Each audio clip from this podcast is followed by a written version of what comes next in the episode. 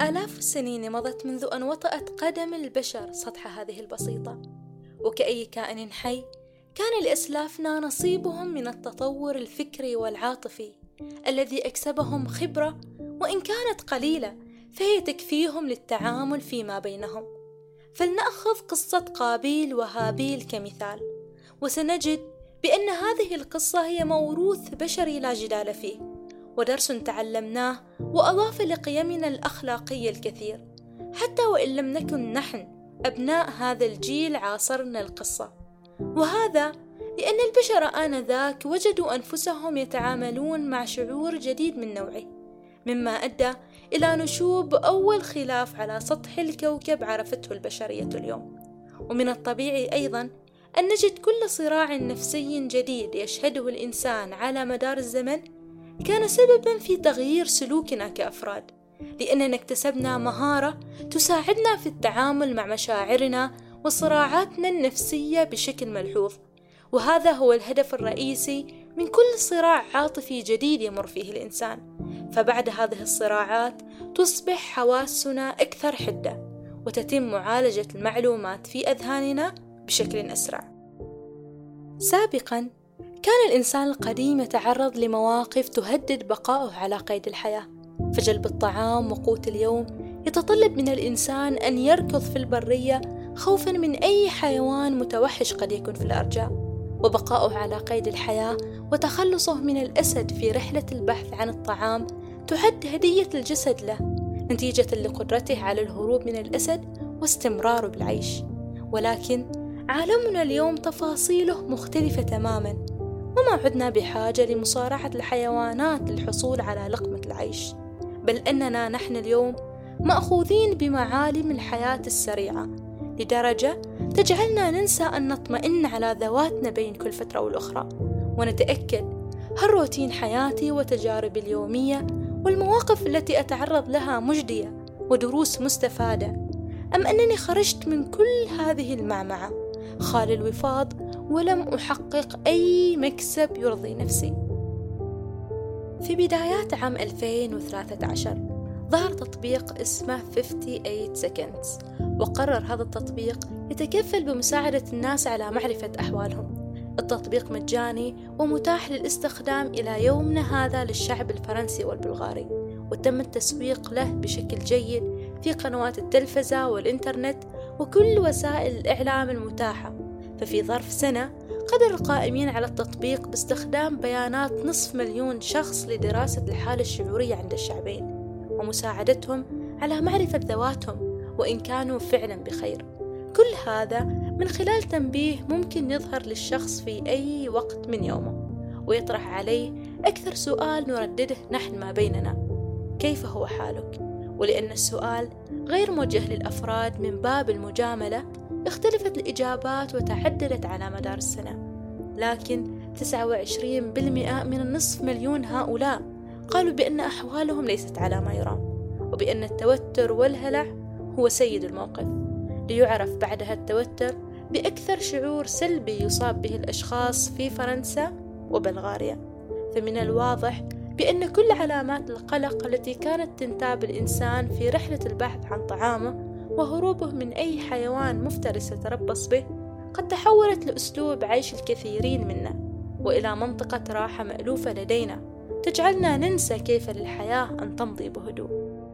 من الغريب أن التوتر لم يتم تعريفه كمرض يجب أن يؤخذ بعين الاعتبار إلا في أواخر القرن التاسع عشر والفضل يعود لكتابات وأبحاث سيغموند فرويد فهو أول من سلط الضوء على القلق وتأثيره على حياة الفرد وتركيبته النفسية وعلاقته أيضا بنظرية الارتقاء والتطور المتعلقة بالجنس البشري.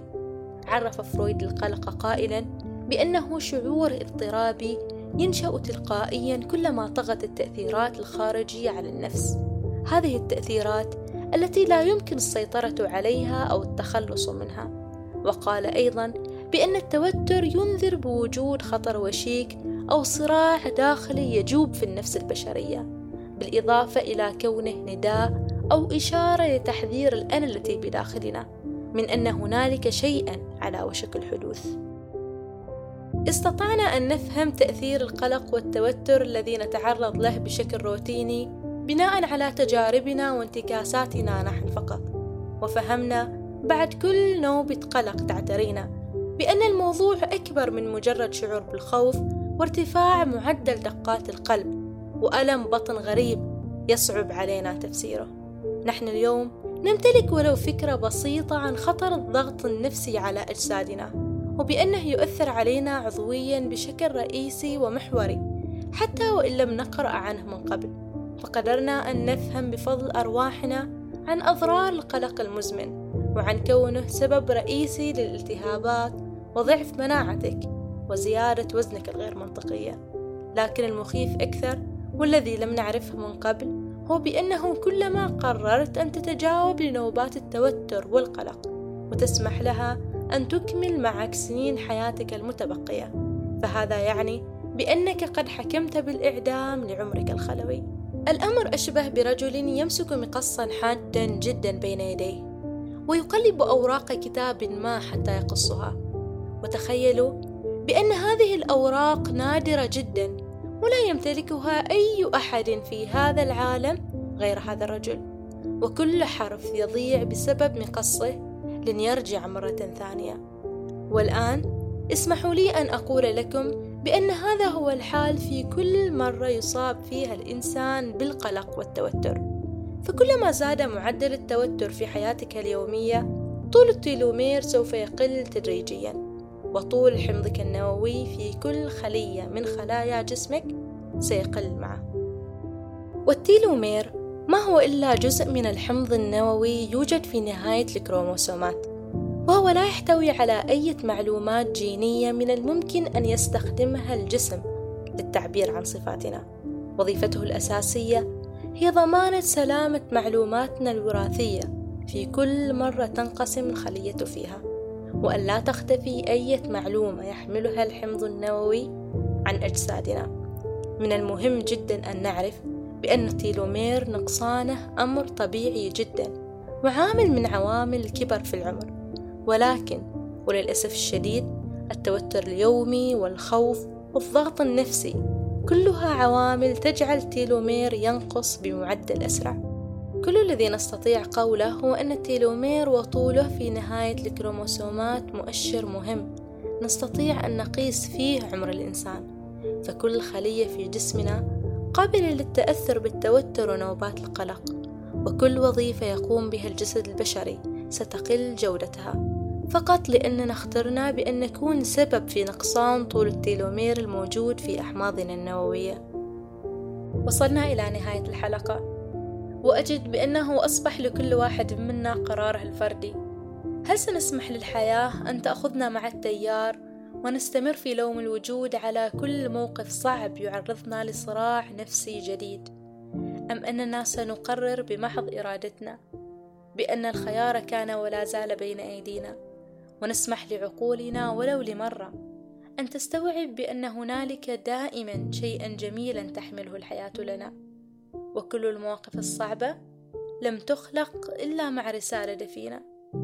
وإنه لأمر محزن جدا يا رفاق. إن جعلنا التوتر والقلق نهاية لكل البدايات. فقد قالها مصطفى محمود ذات مرة. إن الحرية لا يصنعها مرسوم يصدره برلمان. إنها تصنع في داخلنا.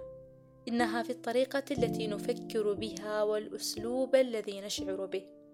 والطريقة التي يتفتح بها قلبنا على إحساس جديد ويصحو عقلنا على فكرة مبتدعة. إن أخطر ما يتهدد حريتنا ليس السجن ولكن مشنقة في داخلنا. اسمها القلق. أنا زموتة وهذه الحلقة الخامسة. كونوا بخير وإلى اللقاء.